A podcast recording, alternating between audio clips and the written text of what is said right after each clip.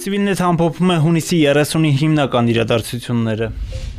կարող է Ռուսաստանը երաշխավորել Լեռնային Ղարաբաղի բնակիչների անվտանգությունը։ Ամենամյա ուղիղ գծի ժամանակ նման հարց են տվել Ռուսաստանի նախագահ Վլադիմիր Պուտինին։ Նա պատասխանել է մեջբերեմ. Եթե մենք խաղ ու համեր աշխատենք, ապա մենք կստեղծենք մարդկանց կյանքի լավագույն պայմանները։ Լեռնային Ղարաբաղի բնակիչները չեն կարող մշտապես ապրել տագնապի մեջ, Հայաստանն ու Ադրբեջանը դա հասկանում են։ Ռուսաստանի նախագահը նաև հավելել է, որ Հայաստանի եւ Ադրբեջանի միջև բազմաթիվ խնդիրներ են կուտակվել, որոնք վերաբերում են ենթակառուցվածքների վերականգնման ստեղծմանը, սահմանագծմանը։ Մենք գտնվում ենք այդ աշխատանքի ընթացքում, ստեղծել ենք երակոմ խումբ Հայաստանի, Ադրբեջանի եւ Ռուսաստանի միջև։ Եվ այդ աշխատանքի շահառումներն առաջին հերթին կլինեն Լեռնային Ղարաբաղի բնակիչները։ Ընդհանուր առմամբ մեր բյուջետային գործերը վատ չեն եւ հարկային եկամուտների հավաքագրումներն իրականացվում են առաջանցիկ տեմպերով։ Հիմա ակնհայտ է, որ հարկային եկամուտները գերակատարելու ենք նաեւ երկրորդ երամսյակում, այսինքն կիսամյակում։ Խորհրդակցության ժամանակ ասել է վարչապետի պաշտոնակատար Նիկոլ Փաշինյանը։ Հունիսի 1-ից կոմպակտ դասի նոր ավտոբուսներով կգործարկվի համար 97 երթուղին, որը կփոխարինի ավտոբուսային համար 37 երթուղուն, հայտնել են Երևանի քաղաքապետարանից։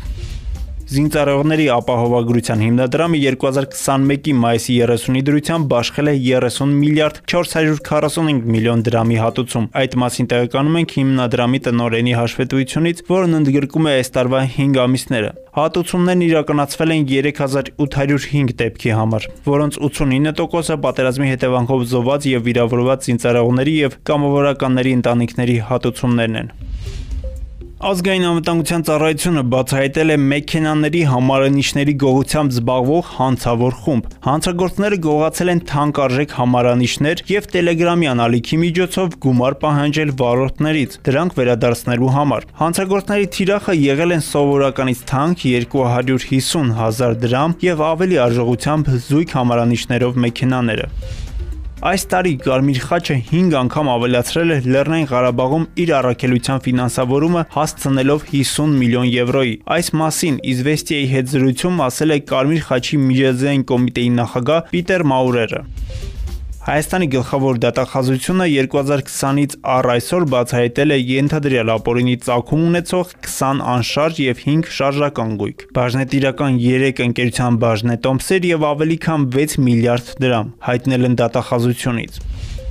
Արցախի ազգային անվտանգության ծառայությունը հայտարարել է, որ ադրբեջանական կողմը փորձում է կեղծ եւ էժանագին քարոշչության միջոցով խոճապ առաջացնել հայ հասարակության շրջանում։ Որպես այդպիսին, Արցախի ազգային անվտանգության ծառայությունը համարում է հունիսի 29-ին Խանքենդի Facebook-յան էջի մի հայտարարություն, որով Արցախի հանրապետության բնակչությանը կոչ է արվում WhatsApp բջջային հավելվածով իրենց նշված հեռախոսահամարին հարցեր ուղարկել։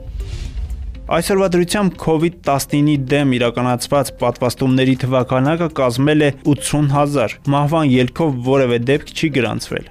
Հայաստանում պատվաստանյութերով հագեցվածությունը բավարար մակարդակի վրա է։ Առաջիկայում նախատեսվում է նոր խմբականակով պատվաստանյութերի ներկրում։ Խորհրդակցության ժամանակ այս մասին ասել է առողջապահության նախարարի պաշտոնակատար Անահիտ Ավանեսյանը։